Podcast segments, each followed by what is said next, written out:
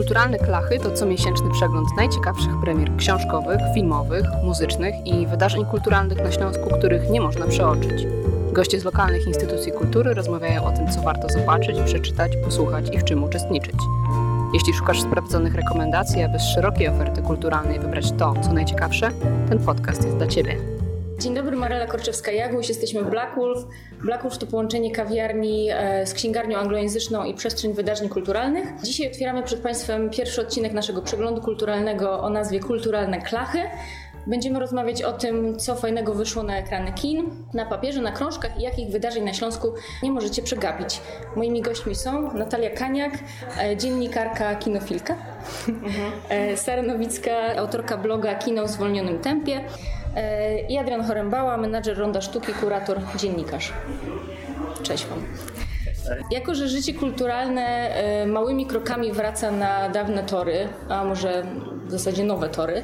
Chciałabym z Wami porozmawiać nie tylko o nowościach, ale o tym też, co fajnego wyszło w czasie pandemii, takiej pandemicznej izolacji.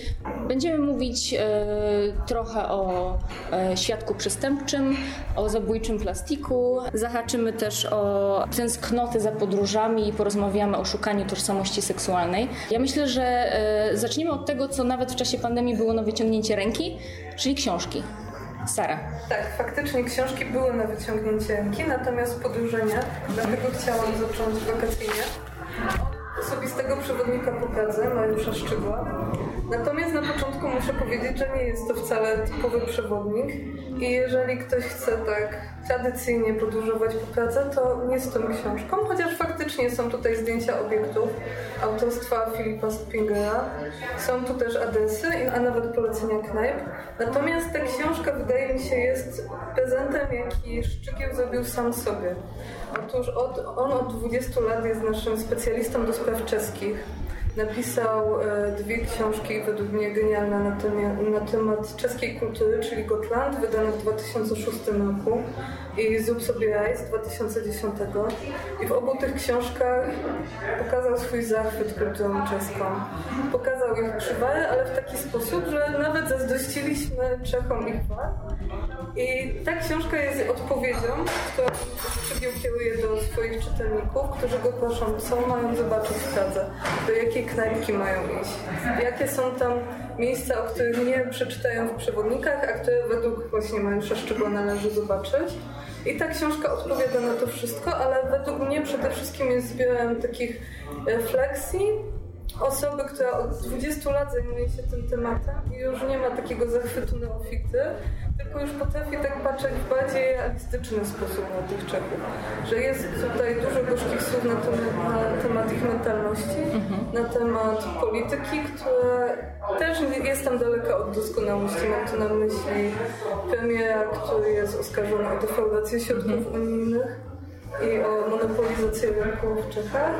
Natomiast mnie najbardziej w tej książce spodobały się momenty eseistyczne. Nie wiem, czy to nie jest... Ja bym powiedział, że to jest taki typowy nowy Szczygieł, ponieważ od nie ma. Szczygieł już wszedł e, w taki auto-esej, czyli tak jak jeżeli nie lubimy Szczygła, to już nie będziemy nic czytać, ponieważ jest to troszeczkę no niestety troszeczkę egocentryczne, ale z drugiej strony jego osobowość, która przez lata 90. towarzyszyła nam w telewizji albo, e, czyli na każdy temat, ten, teraz się wykrystalizowała i on nawet nie boi się już takiego określenia jak słucham jego audycji z Michałem Nogasiem w Nowym Świecie, mówię sobie Instagram, ponieważ Szczygieł jest osobą nowoczesną, ale na swoich zasadach. Więc tu też e, słyszałem o, o, efekcie szczygła, ponieważ już te miejsca, które opisywał, już mają dość polskich wycieczek. Tak, ale to co mówisz podkreśla nawet fakt, że ta książka jest interaktywna, czyli na marginesach znajdziemy odwołania nie tylko do innych rozdziałów, ale też do poprzednich książek z Szczygła, w tym do Gotlandu go nie ma właśnie, więc on tworzy taką encyklopedię samego siebie, encyklopedię swoich książek o Czechach, więc to wszystko jest takie Tylko, że ta książka może rozczarować kogoś, kto sięga po typowy przewodnik. Tak, to na pewno Dlatego nie jest typowy. to jest osobisty przewodnik, Tak, tak? to jest bardziej... A mnie osobiście rozczarowały trochę niestety zdjęcia. y, Jezu, One są Mnie też, mnie też. Nie, one nie są rozmazane, one pokazują właśnie ten ruch na Pradze. To jest głębia ostrości, Sara. Tak, i to niestety, no one są za ciemne, to chyba jest kwestia Mhm. bardziej wydawnictwa niż samego chyba fotografa. Wiadomo, że Springer lubi y, tak troszeczkę taką paradokumentalną trochę tą fotografię, czyli niby dokumentalne, troszeczkę kreacyjne, ale tu też, no one nie zachęcają, mówiąc szczerze, i tak jakby chyba też jest taka y, wymowa tej książki, żeby jednak nie przekonywać nieprzekonanych, ale pokazać tym, którzy się interesują kulturą Czech, że jednak y, jest tam coś jeszcze czego mogliśmy nie odkryć, ponieważ nie wiem, czy zauważyłyście, że jednak też sam z siebie dużo czerpie, no jest to ta, y, parę fragmentów prawie, że z nie ma przypisanych, ale Tak, jest na nowo tak, trochę.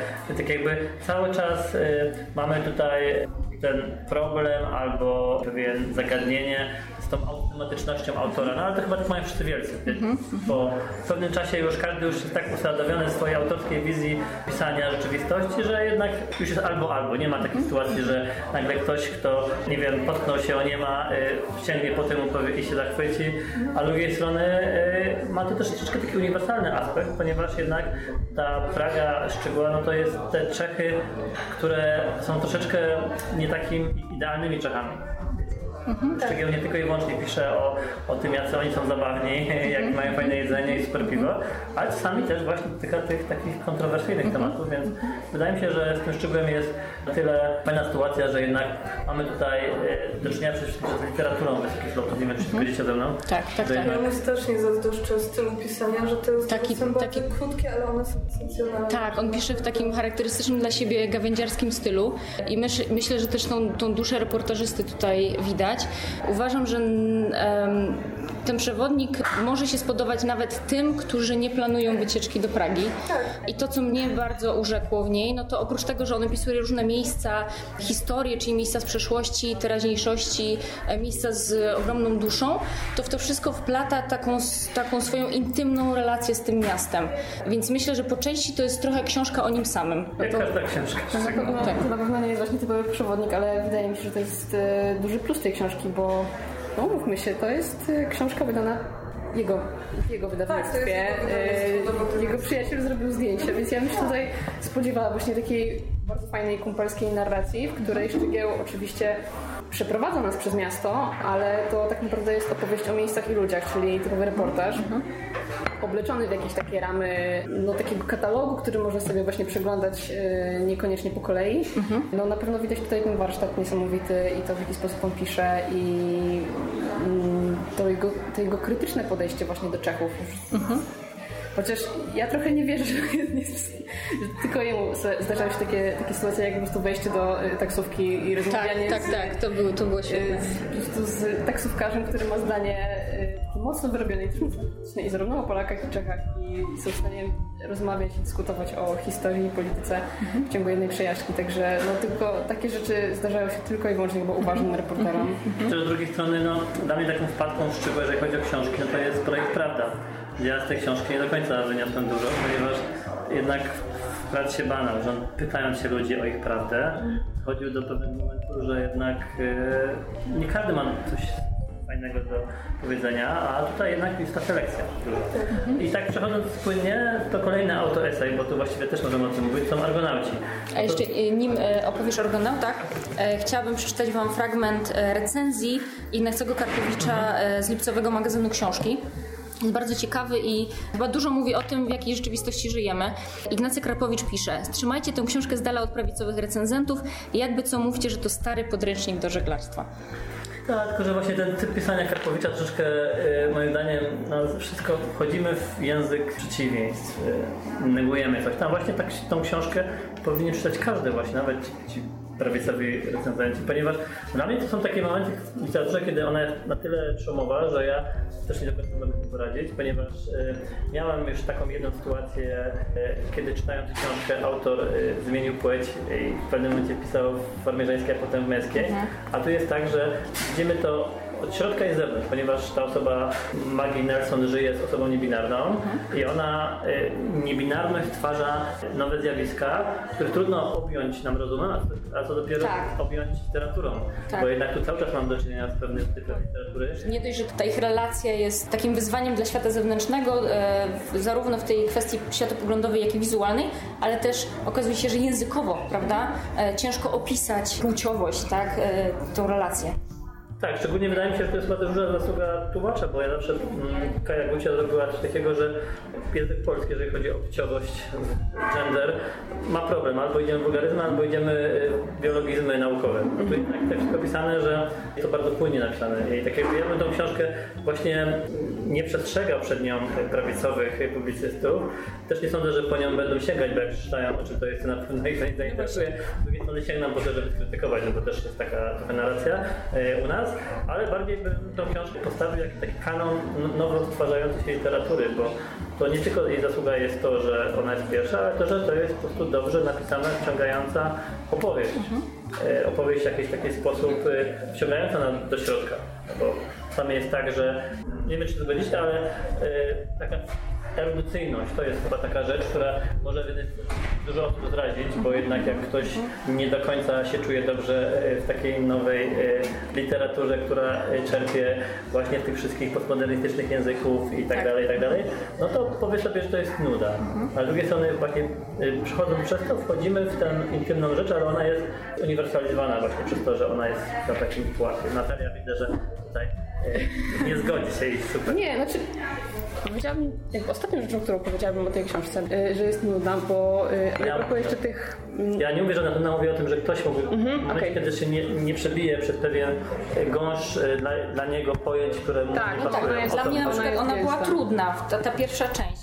Jak ona e, przytacza tyle nazwisk. e, Bardziej, że powiedzmy sobie szczerze, nie wszystkie teksty, do których ona się odwołuje, wyszły po polsku. Tak. Na pewno jest Zizak, na pewno jest Judith Butler, ale inne No, inne nie. wydawczynie, no to, to jest dla nas te incognito. Tak. Ale pierwsze, co sobie pomyślałam o tej książce, to to, że ona właśnie płonęłaby w rękach niektórych ludzi. W konserwatywnych kręgach. Ale potem sobie pomyślałam, że to jest właśnie książka, którą powinien przeczytać każdy, kto ma władzę y, decydowania o jakby codzienności, ponieważ y, i- wydaje mi się, że ta książka wcale nie jest taka trudna, jak może się wydawać. Oczywiście są tutaj teorie i też wszystko się przeplata y, z, no to jest jakby spis wykładów też, y, też autorki, z jakimiś takimi wydawałoby się y, bardzo hermetycznymi i wydumanymi teoriami y, Podgenderowymi. Około, tak, ale to wszystko jest porównane do absolutnie codziennych sytuacji i właśnie to jest cała siła tej książki, że ona pokazuje, że te wszystkie teorie, one mają właśnie to zastosowanie w Wydźwięk praktyce taki, tak. Mhm. i oczywiście w momencie, w którym ona właśnie opowiada o tym, że właśnie wzięła ślub i tutaj właśnie mówi o fortunności swoich y, aktów mowy, no to nam się to może wydawać jakoś nie takie hermetyczne i, y, i niezrozumiałe, ale no, w dalszej części książki jakby rozumiemy cel tego i no właśnie, że te wszystkie teorie są y, oparte na doświadczeniu. Zresztą też mnóstwo tych, y, tych, tych teorii genderowych, one wychodzą z, no właśnie z, jakby z praktyki queeru i z aktywizmu i tego typu ym, sytuacji Mnie totalnie, historycznych. tak, mnie totalnie urzekły fragmenty, w których opisuje zestawia różne do, doświadczenia cielesne. E, czyli na przykład mówi o tym, jak e, starał się zajść w ciążę. E, w tym czasie Harry przygotowywał się, czy przechodził e, operację korekty płci, więc tutaj ona opisuje, jak wyczerpujące były to doświadczenia zarówno w sferze psychicznej i fizycznej. Tak, te oboje przechodzili przez te e, wycieńczające terapie hormonalne. Dla mnie, nie wiem czy się zgodzicie ze, mną, dla mnie mistrzostwem był fragment, w którym ona zestawia dwa opisy. Jeden to jest opis jej porodu, Tak. a drugi to jest relacja Harego, jego zapiski o, e, odnośnie umierania własnej matki. Dla mnie to było bar, był bardzo poruszający e, fragment. Ona pisze o tym, e, jak bardzo w obu przypadkach tracimy kontrolę nad własnym ciałem. No bardzo mnie poruszył ten fragment. Myślę, że on zostanie jednym z, dla mnie jednym z lepszych fragmentów, jakie w ogóle przeczytałam w literaturze. No bo to chyba też siła tej książki jest obrazowość. No i też trzeba pa- pamiętać, że ta książka, raczej nie sądzę, żeby mogła na razie powstać w Polsce mimo wszystko. Chociaż z drugiej strony mamy, a propos tej y, cielesności, Znikanie Izabeli Morskiej, nie wiem czy czytałyście. To jest właśnie książka też o chorobie, właśnie w taki fajny sposób pokazany poprzez dyskurs właśnie też taki trochę naukowo-humanistyczny, ponieważ sama bohaterka, mm, ona jest wykładowczynią i tak opisuje o tym, jak ona, ta, taka jej walka z, z naszym systemem y, właśnie zdrowia, ale właśnie opisywana przez jej indywidualne, bardzo cielesne doświadczenia. Ale wróćmy do Polski, czyli wróćmy do książki o A Sara, śmieciach. może jeszcze. Tak, ja właśnie myślę, że osobisty to jest w ogóle słowo klucz do książek, które dzisiaj omawiamy. Tu mamy osobisty przewodnik po drodze, to jest osobiste doświadczenie właśnie tych wszystkich teorii queerowych, genderowych, a tu mamy osobiste doświadczenie, które wszyscy pewnie podzielamy. Doświadczenie śmieci, które są na każdym kroku, które nas dosłownie zalewają. I trudno mi opisywać tę książkę w kategoriach literatury, chociaż jest doskonale napisana i widać, że Łubieński zrobił naprawdę potężną robotę taką historyczną, tłumacząc nam krok po kroku, jak doszliśmy do tego, co jest teraz. Kiedy te śmieci zaczęły powstawać, z jakich powodów. Więc pod względem kulturoznawczym, on jest z wykształcenia kulturoznawcą, to jest naprawdę bardzo dobrze zrobiona rzecz. Natomiast to jest książka, która przygnębia na amen. Amen, nie wiem jak was, ale mnie te opisy zwierząt, Absolutnie nie kończy się happy endem. które są uwięzione w butelkach i tych wszystkich strasznych rzeczy strasznie przytłaczają, a najbardziej swój obraz zobaczyłam w tym rozdziale, w którym on opisuje dzień z życia ekologicznego Neurotyka. Tak, tak. I to jest mój codzienny dzień naprawdę. Tak, z drugiej strony ta książka ma tą wartość odwrotną, że ona przeraża przez przerażenie, Tak, ona prowokuje do takiej prowokuje do dobrej zmian. podstawy. Tak, zmiany Ja to się przyznam, że to książkę czytał mój syn 13-letni i teraz jest troszeczkę takim, mm, jakby to ładnie nazwać, y, noworyszem i bardzo dba o to. I takie, bo ona właśnie no, afirmuje fajne postawy. Ja bym się nie przerażał, ponieważ mimo wszystko jesteśmy w tym wszystkich, w tych śmieciach żyjemy. Ja bym też zwrócił uwagę na formę, ponieważ on y, potrafi jak już pokazał 14 e, srokach, e, 12, 12, 12, e, że potrafi też zabawić tą literaturę. Że z jednej strony pokazuje nam historię przedmiotu, który znalazł, z drugiej strony są tematy osobne, o których on pisze właśnie tej swojej Odwołuje się do literatury, do Odwołuje się też e, do literatury, bo mamy właściwie trzy przypadki na razie takich, e, ja bym nazwał crossoverów literackich, czyli jakby nie można ich dopasować do jednego gatunku. To jest fajne. Jednak literatura idzie już w takim kierunku, że już nie mówimy o tej czystości reportażu, co też między innymi e, jest w Polsce za to odpowiedzialny Szczygieł, tą swoją autoeseistycznością. Nie możemy mówić, że to jest na przykład jakaś forma dokumentalna, bo tutaj jakby czas jednak ta e, osobista relacja, która przychodzi właśnie w pewne uniwersalne tony, pokazuje, że musimy, musimy e, jako czytelnicy przyzwyczaić się do takiej sytuacji, że już nie ma tak, że być może pro- proza gatunkowa jednak daje nam, wiecie, jeden do jeden, że chcemy kryminał, to mamy kryminał, też też pewnie Też też rzadziej. I też te trzy książki, w sposób odpowiadają na jakieś takie tematy pandemiczne, bo one pokazują ten świat y, i zmienność świata właśnie w trzech odsłonach, Tak. w innym temacie. Zresztą Łubieński w ostatnim rozdziale pisze o pandemii. Jeszcze zdążył. Tak, ale dla mnie było szokujące to, że mnie się wydawało, że pandemia super zrobiła środowisko. Dokładnie, że natura Że już tak prawda? nie śmiecimy Tak. tak. i już te zwierzęta wychodzą na ulicę i jest Tak. tak, fajnie, a okazało się, że wcale nie jest Dokładnie. fajnie, że jednak te zakłady zajmujące się oczyszczaniem miast Mhm. też miały przerwę, jak my wszyscy. I zrobiło się jeszcze gorzej, więc naprawdę to jest akcja świadomościowa, która robi świetną Mhm. Jed- Jedyna powieść w zasadzie dzisiaj e, w naszym zestawieniu. Queenie jest to e, debiut literacki Candice Carty Williams.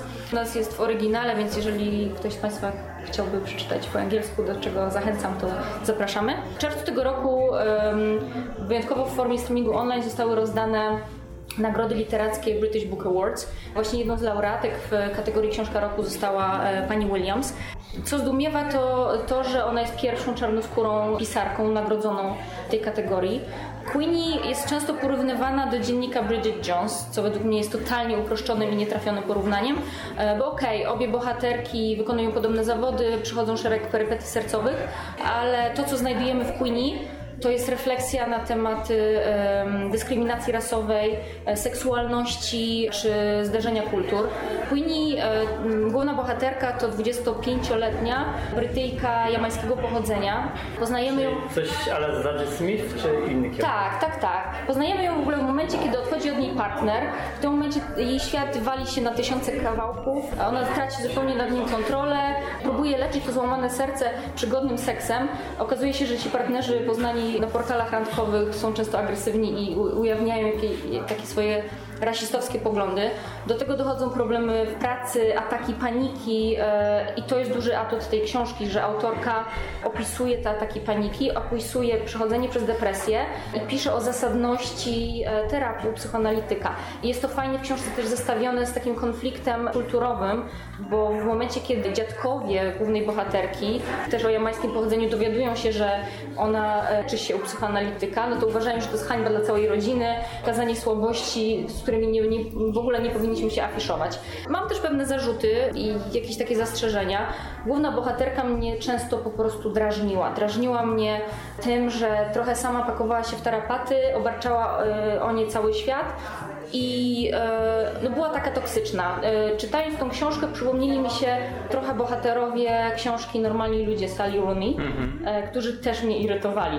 Chociaż myślę, że obie książki są, są warte sięgnięcia, bo nie? Ale czy takiego można powiedzieć, bo ten typ bohatera, szczególnie w serialach, to, to jednak ten bohater, który nie jest do końca nam bliski na zasadzie, że projekcja identyfikacja, tylko właśnie wręcz negatywny. Ja na przykład mam troszeczkę dość już seriali, jeżeli chodzi o tych bohaterów. To już było swego czasu o, taka pierwsza postać bardzo silnie to y, Breaking Bad oczywiście, ale było tam paru innych właśnie i w normalnych ludziach też to jest, że właśnie oni w pewnym momencie zachowują się tak dla nas powiedziałbym irracjonalnie w kategoriach nie dążenia do poprawienia własnego losu, ale No tak, tak, dążeniu, więc chyba jest ta tendencja i w literaturze, i w serialach, i też potem pewnie... Jest w ogóle jakaś taka strategia narracyjna, która sprawia, że jednak już- wszystko gdzieś idzie do przodu, ale W wydawnictwie to się wydaje na... dużo takich książek. Tak, ja właśnie. czytam linię też, bo chyba chodzi o to, że jednak ten bohater mniej e, dobry jest fajniejszy do pisania. Bo ja wychodzę z takiej... Ciekawszy, e, Cie- No ciekawszy, na pewno, tak. z takiego, mm, takiej teorii, że jednak najtrudniej jest opisać właśnie dobro, miłość, wiecie, bo to zawsze potem się wpada w kliszę albo w jakąś taką cukierkowość. Więc nie wiem jak Queenie, ale mnie, troszeczkę otacza zawsze e, bestsellerowość książek. Więc tak jakby często sięgam właśnie na szczęście e, Argonauci, mimo że byli bestsellerem, to jednak e, to jest jednak inna ten, ale wydaje mi się, że jednak wakacje też jest czasem na powieści, przynajmniej No dla tak. mnie. Znaczy dla mnie to jest, to jest fajny fikcji. głos w takiej dyskusji o właśnie seksualności, o problemach rasowych. E, No na pewno warto, bardzo polecam.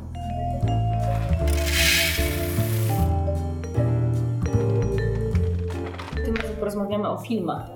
No to może zacznijmy od polskiej produkcji. 1 lipca na platformie Netflix trafił film Monument jako Shells, czyli jej drugi film pełnometrażowy.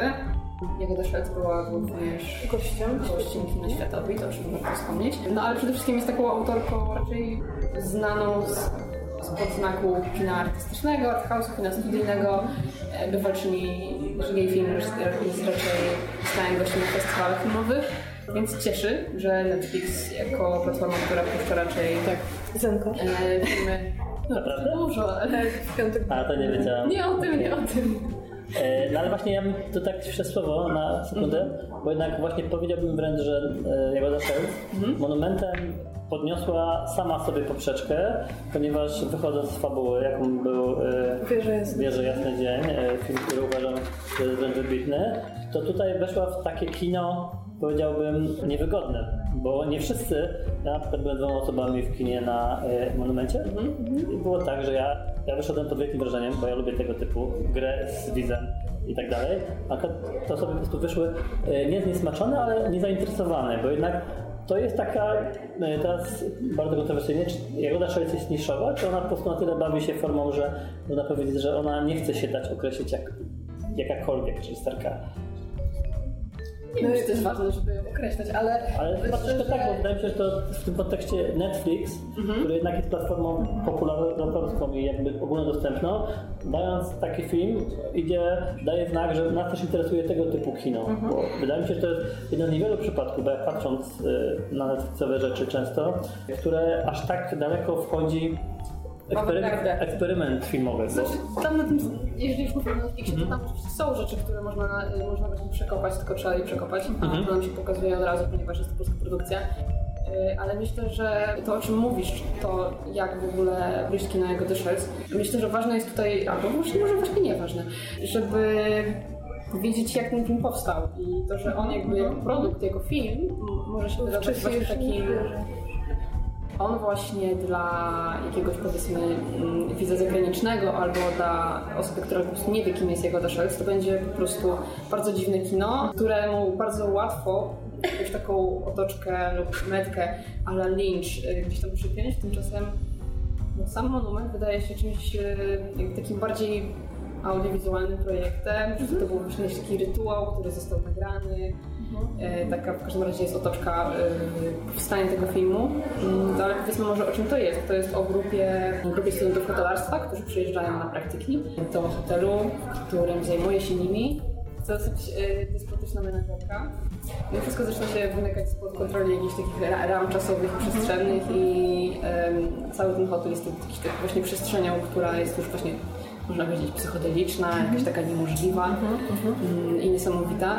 Yy, No i właśnie jakby dla widza, który nie wie mm, albo nie chce wiedzieć, po prostu yy, trafi na ten film, no to yy, to będzie właśnie jakiś taki Dziwny twór. dziwny twór z y, ścieżką synów mm, i właśnie taką dziwną woltą, której można się oczywiście domyślić na samym początku, ponieważ nie, to jest jakaś seria miniaturek, ale co, ja bym powiedział, że ten film jest o ćwiczeniu studentów aktorstwo aktorstwa, bo jednak Tak, też można jest w ten sposób. zaliczeniowy na Tak, zakończenie. Tak, jest to jest- bardzo, to warto o i tym bardzo powiedzieć, e, tak. autotematyczny film, ponieważ e, jakbym na to nie spojrzeć, jest to, są to pewien rodzaj pisów. One są skondensowane i tam jest ta fabuła, a z drugiej strony ona się ociera tak o te kino gatunkowe, e, gdzie widza, który nie jest zainteresowany tego typu, może zainter- zaintrygować ten taka atmosfera horror, horroru, ale też specyficznego bardzo, bo jednak tutaj nie ma tak, że od, e, Taki slow horror. tak, tak.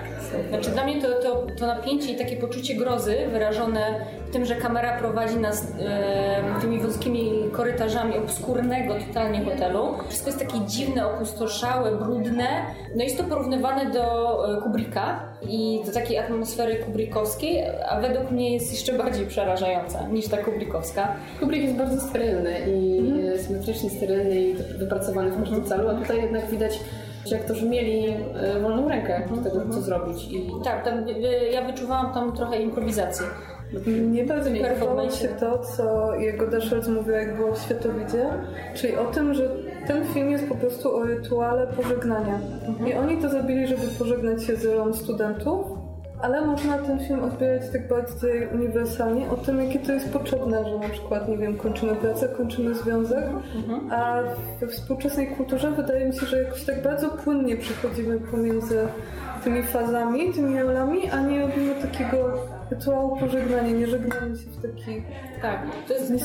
Według mnie to jest ważne, żeby właśnie powiedzieć o tym, że ten film jest filmem dyplomowym studentów ostatniego roku łódzkiej filmówki. Ja tu widzę taką analogię, no bo ci studenci kończą studia i wkraczają w dorosłość. Mm, Wkraczają w dorosłość, która często okazuje się okrutna, smutna, e, monotonna. No i podobnie jest w filmie. E, Ci studenci hotelarstwa przyjeżdżają i od razu są obdarci z takiej młodzieńczej spontaniczności, tłoczeni w taki, taki schemat, monotonię, jakiś drill, więc to było ciekawe. I wydaje mi się brawa za realizację, bo wyczytałam, że e, film miał budżet tylko około 100 tysięcy złotych. Tak, no, A jakiś taki przeciętny film fabularny w Polsce to, to są pieniądze rzędu 3 milionów ponoć. No tak, w zależności od rodzaju filmu. Ja bym tu powiedział, że jednak y, tu mówimy o też pewnym filmie tak uniwersalnie z góry, o mechanizmach władzy. I tak jakby wręcz na, y, bym to troszkę porównał do tego eksperymentu y, y, Zimbardo, czyli tak jakby podziału na więźniów, tu akurat troszeczkę inaczej więźniów i klawiszy, o przepraszam. Strażników. Tak, strażników, o bo to jest blank.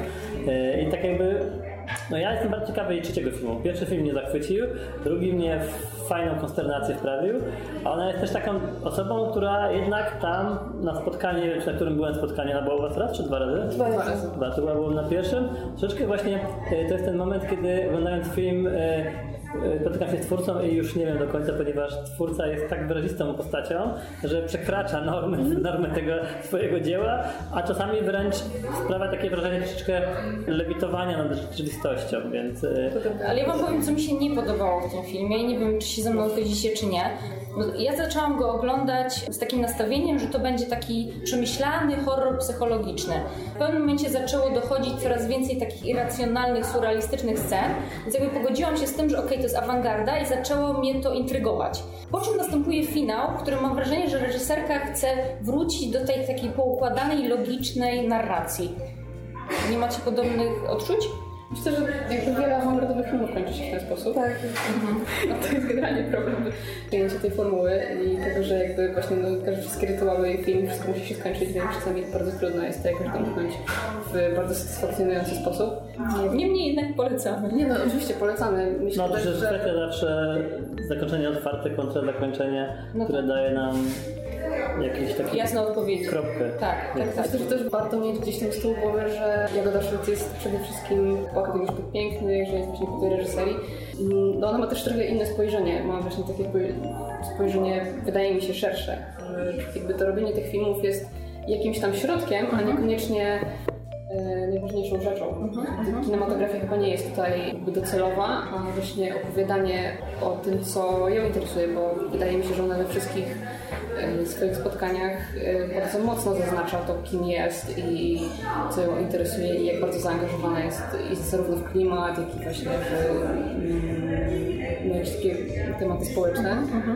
Jakby to, co ona robi jest pewnym manifestem przez jakiś taki pryzmat artystyczny i, i jak kiedy po raz pierwszy zobaczyłam jej film, czyli Wieża Jasny Dzień, no to zdziwiłam się, że w ogóle coś takiego można zrobić w Polsce i że jednak da się. Ale da się, no to ja bym, nie wiem czy każdy taki film patrzy na Ciebie Marysiu. Tak. Dla mnie to, to ile było No lat? tak, ile lat temu i co, ile, jak- jakie są interwały, żeby taki film powstał. Tymczasem właśnie wydaje mi się, że brakowało tego i chyba to, co jest super w jej filmach i tutaj będę, będę ultrasem, to to, że ona wykorzystuje aktorów, którzy, których twarzy jeszcze do końca nie znamy. To są faktycznie te postaci, w które wierzymy, a to nie są właśnie pisy aktorskie, które same w sobie są niesamowite i potrafią być e, świetne, ale no nie pasowałyby do, tej, do tego powieści. Chcę pokazać.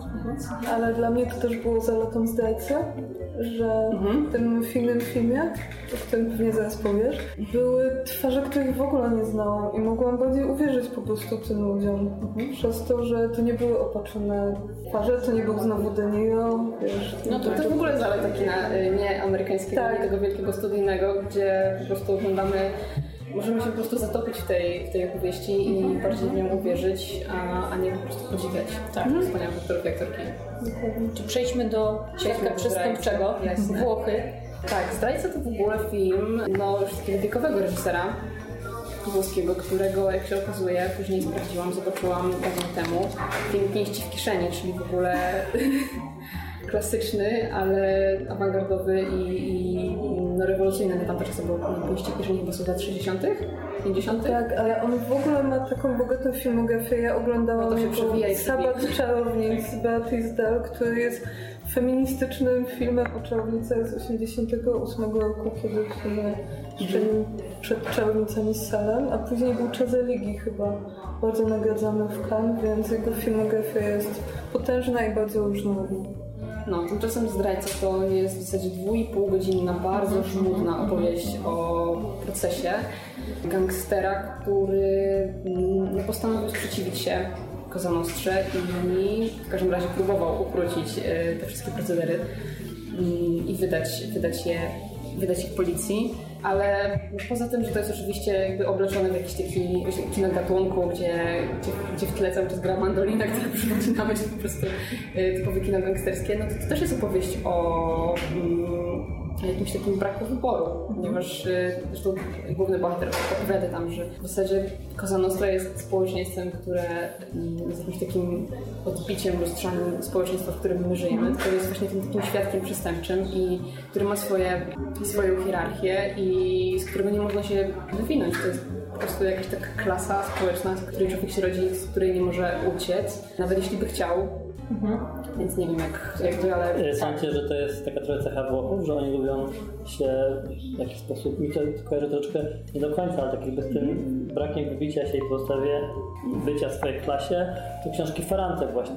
Tam nie ma mafii, ale tam jest właśnie tak bardzo... Tak, e, nie wiem, bo u nas w Polsce, wiecie, jest ta klasa średnia, która jest pomiędzy, a we Włoszech jednak albo jesteś u góry, albo jesteś na dole i pomiędzy nie ma nic. I tutaj jednak też takie sytuacje mafijno-podobne, w pewien sposób ten, jest czarno-białe wszystko. że tak, albo z nami, albo jesteś przeciwko nam.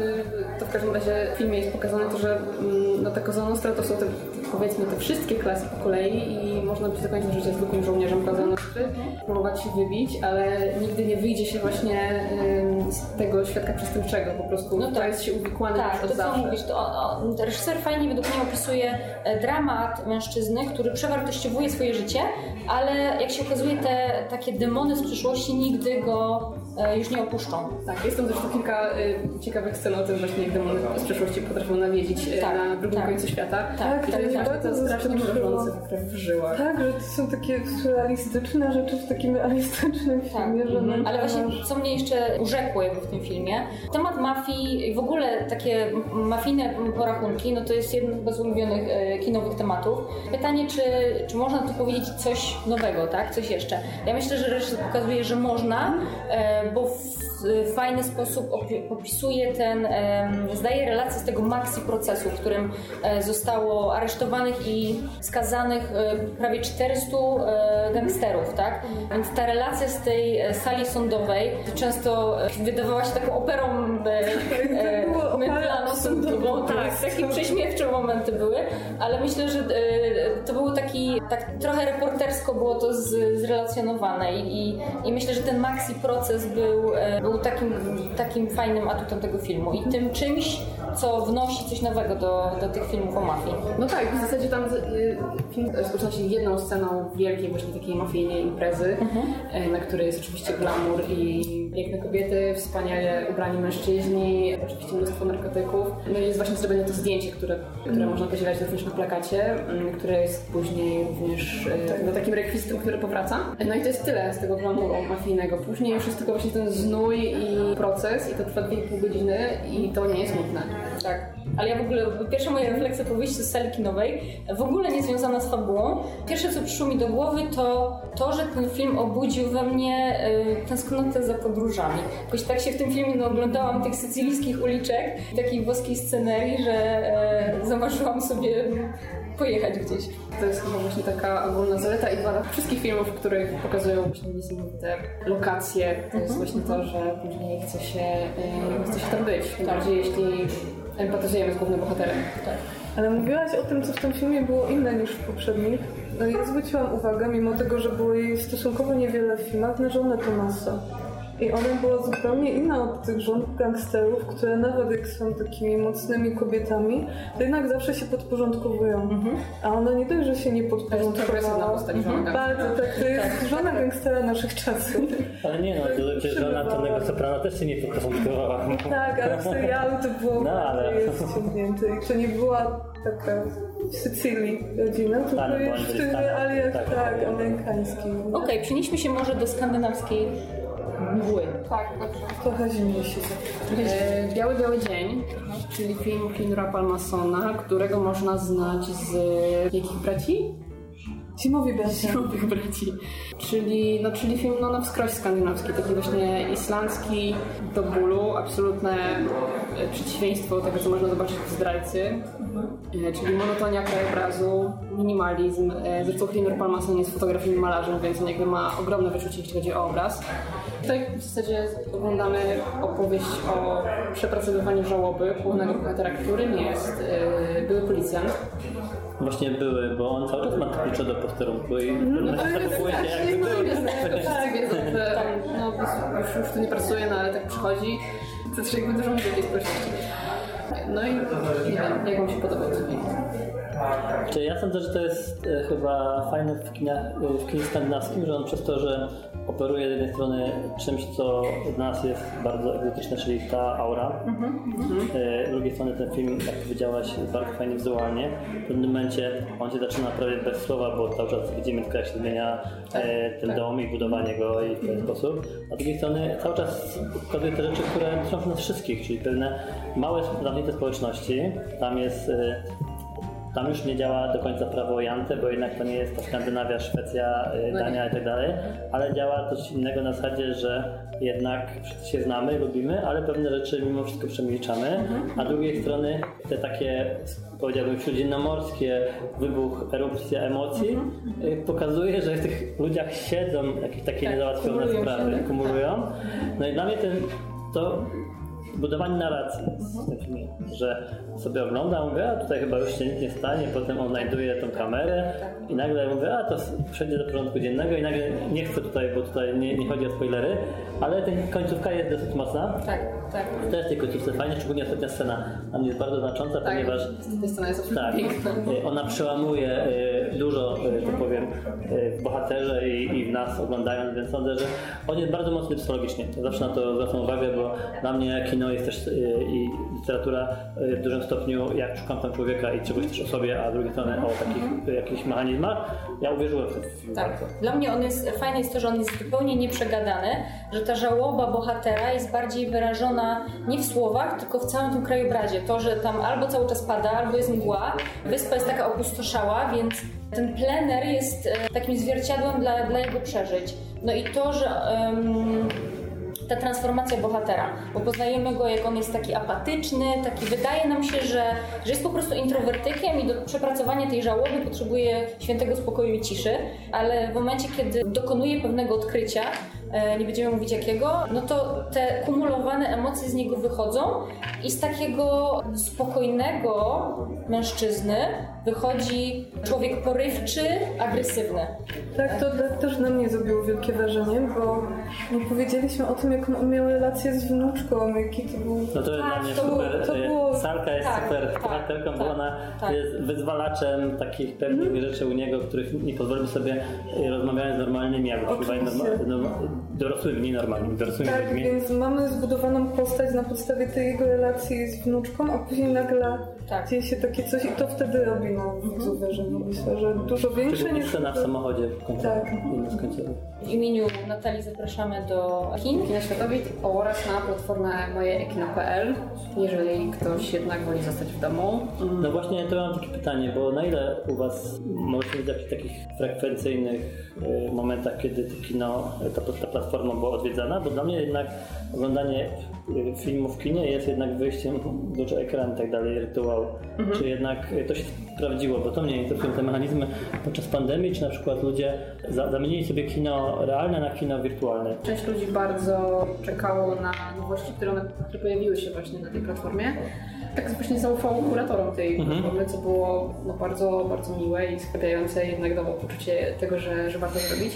Ale to też jest właśnie taki w stronę ludzi, którzy na co dzień tak nie mogli pójść do tego kina, bo na przykład nie pasują im godziny, ponieważ e, są opiekunami małych dzieci, ponieważ są osobami z niepełnosprawnościami, więc mogą skorzystać z tej oferty właśnie studyjnej. Też chyba mogę powiedzieć, że ta platforma zostanie, więc jeżeli ktoś przegapi ten, jakiś film, to on e, później trafi na platformę, więc to będzie właśnie też taka, takie miejsce i przestrzeń dla spóźnialskich. Bo to chyba też pokazuje jednak, że kino studyjnym bardziej chodzi o widza i o jego przeżycia niż multiplexom, które dalej są zamknięte, prawda? Bo one, one jednak y, nie potrafią się z pewnych sytuacji konsumpcyjnych wywiązać, w związku z tym nie mogą być otwarte, więc wydaje mi się, że chyba jednak warto chodzić na szczególny typ kina, bo o, powiedzieliśmy o trzech y, filmach, które są zupełnie różne od siebie. To jest fajne, Tak. że jednak można taki spektrum zobaczyć.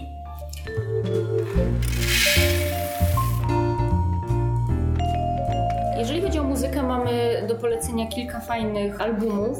Może zaczniemy od tego, który wyszedł najwcześniej, bo 29 maja nowy album Hani Raniszewskiej, pol polskiej kompozytorki, wokalistki, pianistki, pianistki głównie, która tworzy pod pseudonimem artystycznym Hania Rani. Home to jej drugi album, pierwszy Esja wyszedł w kwietniu zeszłego roku. Wcześniej Hania związana była z zespołem Tęskno, z którym wydała jedną płytę. Home to moim zdaniem album znakomity. Na płycie znajdziemy 12 utworów, które myślę najlepiej słucha się w samotności. Wtedy, kiedy możemy odciąć się od całego Z drugiej świata. strony powiedziałbym, że to też jest płyta, przez to, że ona jest trochę taka mało wokalna. Ale i tak bardziej niż poprzednie Tak. To jest fajna też taka, to jest tak to jest medium towarzyszące, więc z Hanią Rani z tą płytą jest tak, że a z drugiej strony jest mniej usypiająca niż poprzedniczka, więc fajnie, że ona jednak dynamizowała Jest tam swoją. jednak trochę elektroniki. Tak, i trochę nie? elektroniki.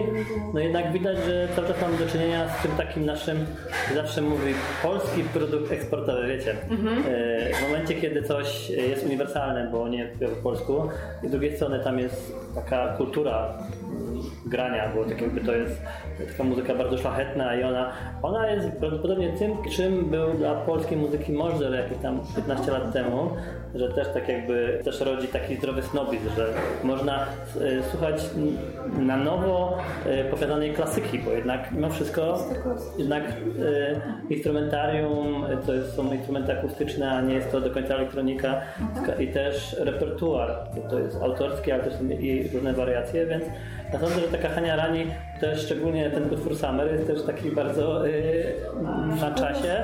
Jest tam dużo emocji. Co wy sądzicie, czy muzyka bez słowa zazwyczaj ma mniej emocji, czy więcej? Bo tu jest pytanie właśnie, bo za chwilę powiemy o muzyce, gdzie słowo jest bardzo ważne i są, jest ten gniew i powiedziałbym słowo na inne, ale nie mogę powiedzieć. Ale to właśnie jednak są te emocje, mimo tego, że nie ma ich. Tak, też mam wrażenie, że nawet te kompozycje, w których nie ma tekstu, bardzo działają emocjonalnie. Dla mnie to jest super, ja lubię takie, takie introwertyczne płyty. Tym bardziej, że mówiliśmy o pandemii, o lockdownie, a tu jest jednak ten temat domu i czuję się właśnie Tak. takie Mhm. tęsknoty, nostalgię. Tak, on, płyta jest bardzo minimalistyczna, ale według mnie bardzo dużo wyraża. Tak, dużo e, tytuł, tytuł albumu to Home, e, więc płyta jest e, o podróżach i tych takich e, dosłownych, związanych z zmianą miejsca zamieszkania i tych takich przenośnych, czyli Tak, e, emigracji wewnętrznej. Dokładnie, e, tak, czyli podróży w głąb siebie. Więc e, płyta wyszła 29 maja, myślę, że idealnie wpasowała się w taką izolacyjną rzeczywistość. Bo Hania śpiewa o tęsknocie za miejscami, o tęsknocie za, za osobami. No według mnie to jest naprawdę znakomity album. Wokal Hani koi, według mnie. I idealnie komponuje Powiedziałbym się bardziej, z... że to jest, on jest użyty jako kolejny instrument w tych kategoriach też producenckich, tylko że jednak zgodzicie się lub nie, jest to troszeczkę album ucieczkowy. On jednak nas w pewien sposób proponuje nam pewną e, podróż gdzie indziej. Ja to też nawiązuję, bo nie, mogę się doczekać, jak porozmawiamy o the Jewels, e, ponieważ tu jest, mamy płytę, która w końcu e, można mówić o takiej muzyce, to się często przewija i wraca, ale taka muzyka społecznie zaangażowana. Ona niesie ze sobą taki mocny przekaz e, i daje nam w twarz. I to jest hip-hop. No dobra, E, czyli nowa płyta zespołu Run the Jewels pod tytułem RTJ4, czwarty album studyjny e, hip-hopowego duetu, którego e, członkami jest, e, tak, z gośćmi, e, członkami duetu jest dwóch raperów. Mówi się, że gdyby Zamieszki w Stanach miały swój podkład e, muzyczny, to ich hymnem byłby ten album i to jest bardzo trafiony komentarz. Nie wiem, co wy, co wy o nim sądzicie. No ja jestem zachwycona. Dla... To nie schodzi z mojej playlisty. Właśnie jak usłyszałam Zaka de la jednak wychowałam się na Age Against the Tak, no bo to Machine. jest fajne Jeszcze w połączeniu z właśnie. Williamsem. Bo tu jednak kiedyś się- Rage Against the Machine właśnie miała taki No taki element buntu, sprzeciwu, a tu jest wręcz, słuchamy w tych tekstach, że oni się nie zgadzają, nie proponują nam jakiejś reformy, że tak powiem, systemu w Stanach, no bo to nie taka e, rola artysty, a z drugiej strony to pokazuje też w jaki sposób ta muzyka, która pół na pół, bo jednak ofowo komercyjna, bo jednak mają swoją dużą rzecz słuchaczy, ale z drugiej strony są, nie, nie są jakimś Drake'iem, Są niezależni. e, są niezależni, e, może spełnić taką funkcję społeczną, że ona może dać utwór gniewowy i sądzę, Tak. sądzę, że Tak, ja myślę, że ha, można powiedzieć, że płyta Hani Koi, tak, płyta the Jewels y, ma za zadanie rozsierdzić. Bo tutaj ten gniew jest tak słyszalny. On na płycie jest tyle skondensowanych emocji, głównie negatywnych, i w tej warstwie brzmieniowej i tekstowej, tak? Myślę, że też warto dodać, że hip-hop już od jakichś paru lat jest tym takim najbardziej progresywnym gatunkiem muzycznym i właśnie jest mocno zaangażowany i też myślę, że można powiedzieć, że hip-hop to nowy punk, szczególnie w tym wydaniu. Nawet w Polsce mówiąc szczerze, bo jak na to spojrzeć na Tak. nowy singiel Taco Hemingwaya, to jest najbardziej chyba gorzka rzecz, która wyszła z, od niego. I wyszło to przed wyborami. W ten sposób było pewną deklaracją, manifestem, a z drugiej strony niezgodą na to, co się dzieje bez względu na jakąś przynależność partyjną. Więc to nie jest tak, że u nas też tylko i wyłącznie mam do czynienia z tym hip-hopem e, rozrywkowym, ale jednak też starają się chłopaki u nas, tak jak stara. Tutaj w ogóle duet Run the Jewels i, i hip-hop zawsze był zaangażowany społecznie, zawsze był antyrządowy, ale myślę, że na tej płycie tego jest jeszcze więcej. Też bo dużo, dużo też zależy od y, tego, w jaki sposób ta płyta została wyprodukowana, bo ona jest po prostu dynamiczna, jakby nie zwalnia tempa, to jest Tak, po prostu tak. cały czas cardio muzyczne.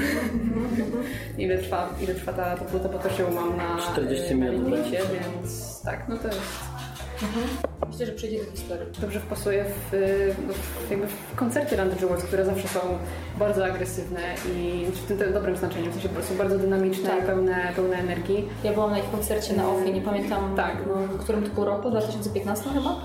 E, I tak jak ja nie jestem fanką wielką hip-hopu, no to myślę, że Oni porywają od po prostu pierwszych wersów i no to jest naprawdę niezłe. tak. No tutaj jakby się wsłuchać tą warstwę tekstową, no to e, na płycie obrywa się wszystkim. I establishmentowi, i politykom, i nawet zwykłym Amerykanom. Bo myślę, że na najmocniejszym kawałku Walking in the Snow panowie rapują i opisują takiego zwykłego Amerykanina, który sobie siedzi w, wygodnie w kanapie i ogląda w telewizji relacje z tego, jak policjant y, dusi czarnoskórego mężczyznę. Jedynie na co mm, go stać, no to y, pełen oburzenia wpis na Twitterze, a według panów według raperów i tak em, nie obchodzi go to, czy te nierówności społeczne zostaną rozwiązane. I szokujące jest to, że tekst do, tej, mm, do tego kawałka powstał nie w czerwcu, tylko w zeszłym roku, gdzie była podobna sytuacja, kiedy policjant udusił e, czarnoskórego mężczyznę za to, że ten próbował e, ukraść e, papierosy. Czy myślę właśnie, że te wszystkie historie, które teraz wychodzą, chyba też nie powinno dziwić, że one powstały trochę wcześniej, ponieważ to się, to się dzieje cały czas i to się dzieje od dekad i jeśli nie od setek lat. Mnie bardzo cieszy, że to wszystko wyszło, wchodzi teraz w mainstream i zaczyna aktywizować również, również tych słuchaczy, którzy jednak po hip-hop sięgali po to, żeby się dobrze bawić, mm, bo też i tacy są i jakby w porządku, ale właśnie ta społeczna rola hip-hopu jest, jest teraz bardzo, bardzo istotna i, no i też cieszy, że, robi to właśnie taki duet jak the Jewels. Okej, wróćmy do kobiet. Nowy album e, kalifornijskiego trio Hayem pod tytułem Women in Music, wydany 26 czerwca. Członkiniami zespołu są trzy siostry. Pierwotnie płyta miała zostać wydana w kwietniu, natomiast ze względu na e, pandemię dziewczyny zdecydowały się przesunąć premierę na lato. Jest to trzeci album e, studyjny zespołu. Myślę, że on udowadnia, że dziewczyny są jednym z ciekawszych e, żeńskich zespołów na rynku muzycznym. Co uważacie o tym albumie? Czy o ile właśnie y, płyta Home i płyta Run the Jewels są w miarę podobne, sensie są jednostajne, są bardzo spójne, to ta płyta się strasznie fajnie rozwija, Tak. bo ona się zaczyna w jakiś taki delikatny sposób. Troszkę myślałam, że to będzie takie hmm, piosenki, dziewczyny śpiewają, muzyka gra. i- Takie lekkie, tak, tak, taki takie fajne-. Tak, po czym ta płyta im dalej w las, tym jest coraz bardziej gęsta i różnorodna i gdzieś tam właśnie miesza te gatunki, więc y, no byłam bardzo pozytywnie zaskoczona. Chociaż też oczywiście nie znałam go wcześniej. Tak. Ja, myśl, ja myślę, że słusznie e, dziewczyny są porównywane do twórczości Fleetwood Mac. E, słyszałam inspirację e, amerykańskim duetem Simon Garfunkel, który nawiasem mówiąc totalnie kocham. Tak jak mówisz, no płyta jest różnorodna. Gdyby się tylko wsłuchać w e, same dźwięki, no to może się to wydawać taka bezrefleksyjna, m, fajna, taneczna muzyka. E, takie lekkie, subtelne dźwięki, tak, ale jeżeli wsłuchamy się warstwę tekstową, to słyszymy, że dziewczyny próbują e, na tym albumie przepracować te ciężkie, trudne e, sytuacje, które ich spotkały w poprzednich latach. No bo e, pojawia się trochę o depresji, leczeniu depresji, o trudnym życiu w trasie koncertowej, o utracie bliskiej osoby, więc płyta momentami jest bardziej taneczna, a czasami słychać taki smutek i, i mela- melancholię. Czyli mi się bardzo podobało, że tak jak w przypadku Hani i Rundy Jewels mówiliśmy o ekstremalnych emocjach, tak tutaj nazwałabym tą płytę, nie wiem, kobiecym ganiem czasów. Dbania o zdrowie psychiczne, po prostu, że one te problemy przypracowują, ale to nie jest wszystko takie historyczne, zadergane, że jest w tym dużo takiej inteligencję takiego dbania o siebie. To Tak, tak, no, ale to jest ta płyta. tak jakby pop, więc tak jakby pop też w pewien sposób. tak. Czyli to kojarzy troszeczkę z piosenką Alanis Morissette, Reason I Drink, Mhm. e, ponieważ też dopracowuje swoje e, e, problemy, ale to chyba jest częsty motyw muzyki, że jednak muzyka bardzo często, o czym nawet sami nie, świad- nie mamy świadomości, służy jako terapia Tak, dla tak, danego tak, twórcy. tak. Szczególnie, że jest to taki dosyć zawód podwyższonego ryzyka. Bo jednak otwartej będąc w wrażliwości. centrum uwagi w weekendy podczas koncertów, a zostając normalsem w tygodniu można mieć pomiędzy tymi dwoma stanami e, dosyć duży problem w Tak, tak, powrotu tak. do normalności. Tak. Na pewno e, dziewczyny e, po raz kolejny pokazują tutaj taką swoją naturalność i szczerość. Ja kiedyś słuchałam e, wywiadu z nimi, który też mi jakby udowodnił, że one są tak naturalne, tak szczere. Myślę, że tworzą bardzo fajne, zgrane trio. Do tego wszystkiego są, myślę, bardzo ciekawe teledyski, e, które głównie kręcone są w Los Angeles. Kocham Stany, no to jestem użyczona. Warto zaznaczyć, że jest piękna okładka. Od razu pokazuje, czego możemy się spodziewać. Tak, tak, tak, to fakt.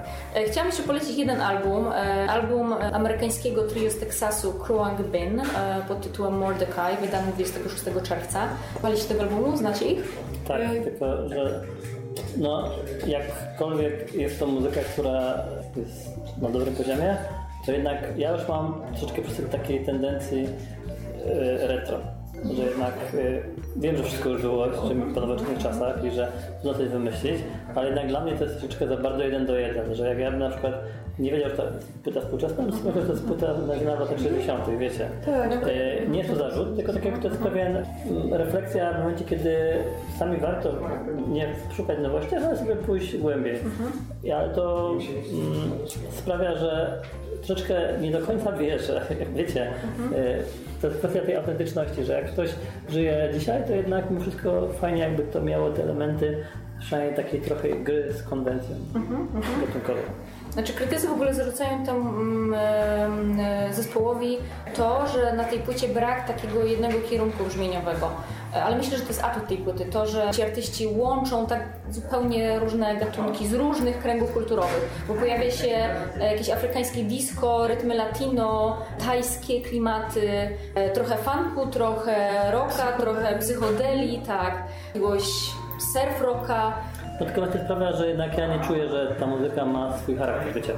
Tam jest wszystko i, i nic. I to jest super, a z drugiej strony na tyle nie super, że dla mnie jest to jednym z wielu elementów tego. Ja już wolę, że coś jest bardzo y, charakterystyczne Mhm, i, i ma te. Znaczy, ja chciałam o tym powiedzieć, bo y, o, wspomnieć o tym albumie, bo dla mnie on jest fajną propozycją na lato.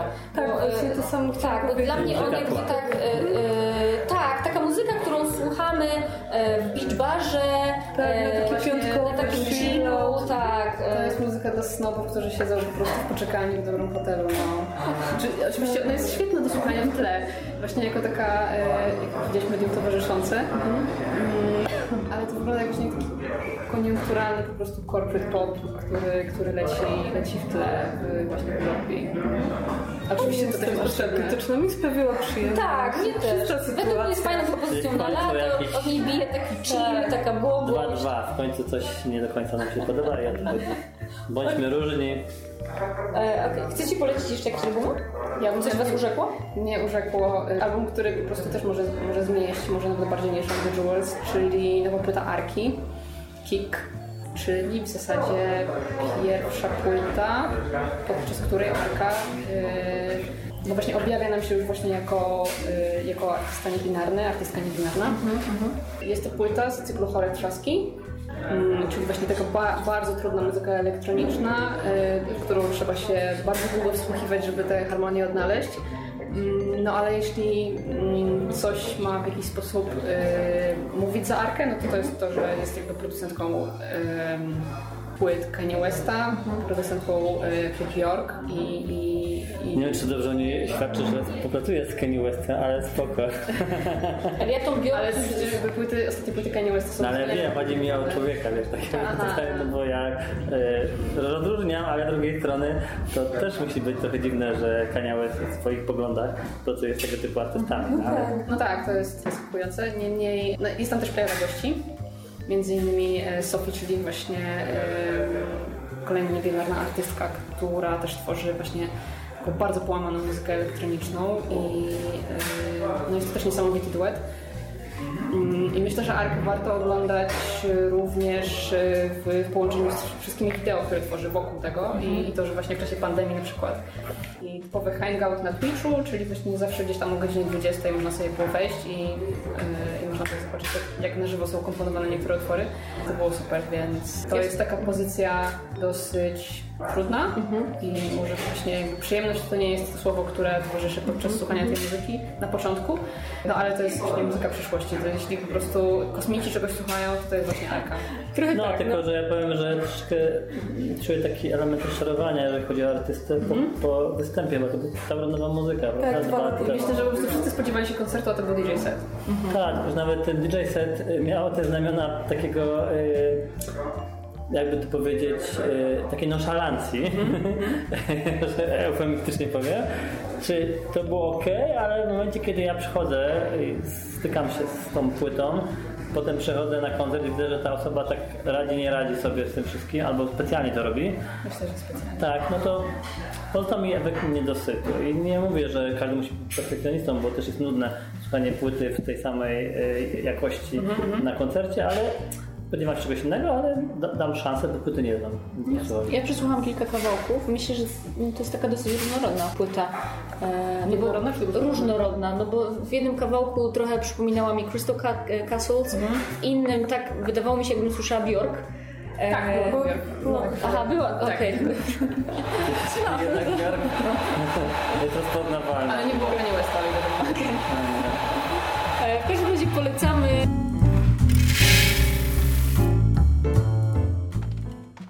Razem przenosimy się do wydarzeń, tego co warto zobaczyć, gdzie warto pójść. Adrian, co nam polecasz? E, ja może tutaj zahaczę o sztuki wizualne, bo o tym mówiliśmy jeszcze. Więc wakacje to jest taki okres niby sezon ogórkowy, ale ja bym się tym tezą nie zgodził, ponieważ mamy do zobaczenia parę fajnych wystaw. Jedna z nich to jest m.in. Komorewi, czyli taka wystawa ekologiczna nie tylko dla dzieci. Powiem Wam, że tak samo jak w książce o śmieciach, pokazuje w jaki sposób ta natura i tworzenie jej przez sztukę od 7 sierpnia zobaczymy wystawę e, Come Out and Play. To jest nawiązanie do piosenki z Blow of Wing, nie wiem czy pamiętacie. E, I to właśnie jest takich e, trójka młodych twórców, właściwie dwójka, bo jedni chcą być jednym organizmem, czyli Olek i Kaśka e, jako jeden organizm i Janek Morzyński. Oni pokazują pomocą malarstwa, instalacji e, i wideo w jaki sposób jest możliwe wyjście z komfortu, w jaki sposób nie chce nam się powiedzieć i nie musimy. Ale na przykład można też pojechać sobie do Bytomia i w Bytomiu e, w Kronice mamy dwie takie wystawy. E, Jedna to jest Kasper Olewnim i jego e, Nowa Normalność. Nazwałbym to e, wystawa z wynalazków. Pokazuje właśnie w jaki sposób można e, zabawić się sztuką współczesną, a z drugiej strony jest Martyna Czech, taki manifest antyludzki. Martyna uwielbia zwierzęta, niekoniecznie lubi ludzi. E, Ale jest to takie malarstwo e, bebechowate które też pokazuje, że e, można mieć swoją, swój podpis i ona grała blisko miesięcy najważniejszy malarski w Polsce to tyle na żywo, a też w sieci dalej można, bo Londyn Sztuki dalej prowadzi te rozmowy. E, Już ostatnio była Dreda, a tam między innymi było parę takich osób znanych w świadku typograficznym typu Robert Oleś. No chyba e, warto powiedzieć, że podczas wakacji na Śląsku dużo się dzieje, bo z jednej strony mamy koncerty w Szlawajerach, to są piątki, a z drugiej strony mamy koncerty w Fabryce Życia w Dobrowie Górniczej, też są piątki, niestety, jak to jest. Cały czas działa też e, mm, Porcelana, e, no ale też Natalia powie, że mamy dużo rzeczy, które się dzieją w kinie. Jednak kina... kinie, ale kino też wychodzi do ludzi, więc y, zorganizowaliśmy kino samochodowe y, na Ształwerach właśnie w poniedziałki, chyba że pada. Pokazujemy film dokumentalny właśnie gdzieś tam związany z muzyką, sztuką młodą do miast. W kinie samochodowym pokazujemy filmy Festiwalu Transatlantyk, który będzie po raz pierwszy w Katowicach. który będzie po raz pierwszy w Katowicach, ale udało nam się również wkroczyć w świat podcastów. Pierwszy z nich to Kino Mogłos, czyli właśnie taka dosyć eksperymentalna formuła, ponieważ y, zapraszam tam twórców współczesnego kina polskiego, którzy mają ze sobą rozmawiać. No i właśnie zastanawiamy się, czy dwóch artystów jest w stanie ze sobą rozmawiać w sposób, który będzie zrozumiały dla, dla kinomanów. I Dzieci Czują Kino, czyli podcast dla dzieci, który opowiada o tym, jak radzić sobie z emocjami, jak je rozpoznawać w filmie, Pewnie mm, zauważyliśmy wszyscy, że jednak musimy się nastawić na stan działania też troszeczkę wirtualny na jesień, bo nie wiadomo co będzie. E, Teraz nam się wydaje, że to sobie patrzcie na ulicach, to jakby nie było, a jednak musimy iść na te, na te dwie nogi. Z jednej strony idzie real, czyli rzeczy analogowe, z drugiej strony jednak e, wracamy do tego, co było mnie osobiście troszeczkę męczy, mówiąc szczerze. Co było też na dziecię, że jednak jesteśmy już w momencie przedawkowania. Ja myślę w ogóle, że w momencie kryzysu kultura to jest, y, to jest ostatnia rzecz, o której myślimy i jednak staramy się zaspokoić takie potrzeby bliskości z innymi ludźmi i tego, aby się dobrze czuć, a bardzo często dobra sztuka i kultura jednak stawia na jakieś takie głębokie refleksje, które, na które czasami nie jesteśmy gotowi. Raczej emigracja wewnętrzna i eskapizm. Pandemia, e, to co zauważyłem u ludzi, ale w pewien sposób e, krystalizuje ich. Tak, zainteresowanie, Tak, że wiesz, co sądzę, jest ważne. coś się nagle zmieniło w naszym życiu przez pandemię, a wręcz e, tylko się umacniamy na swoich pozycjach. Tak, zgadzam się z tym. Sara, co w bibliotece No, się biblioteka jest czynna cały czas, więc książki Szczygła Łubieńskiego 12 sok za ogon zapraszamy, można wypożyczyć w każdej chwili. A w, na Facebooku, w internecie jesteśmy dość oszczędni wobec tego, co powiedzieliśmy wcześniej, więc mamy tylko jedną akcję. Akcja Powieści Katowice. To są rozmowy, tak wyszło z autorkami głównie. Cztery autorki, między innymi Marta Fox, y, Marta Obuch. Te rozmowy już się odbyły, ale one są cały czas do obejrzenia na naszym Facebooku i opowiadają nasze autorki o książkach, które dzieją się w Katowicach. Jesienką na torcie w tych spotkaniach będzie 3 sierpnia Mariusz Czubaj, bo jego kryminały też jednak miały to śląskie tło i rozmowę poprowadzi Agnieszka Strzemińska. Ja byłam świadkiem paru jej wywiadów i naprawdę potrafi wyciągnąć dużo fajnych, ciekawych rzeczy ze swoich rozmówców, więc myślę, że będzie bardzo interesująco. W imieniu moich gości zapraszamy do Biblioteki Śląskiej, e, do Ronda Sztuki, e, do kin studyjnych i do sieci. I zapraszamy do kolejnego odcinka za miesiąc.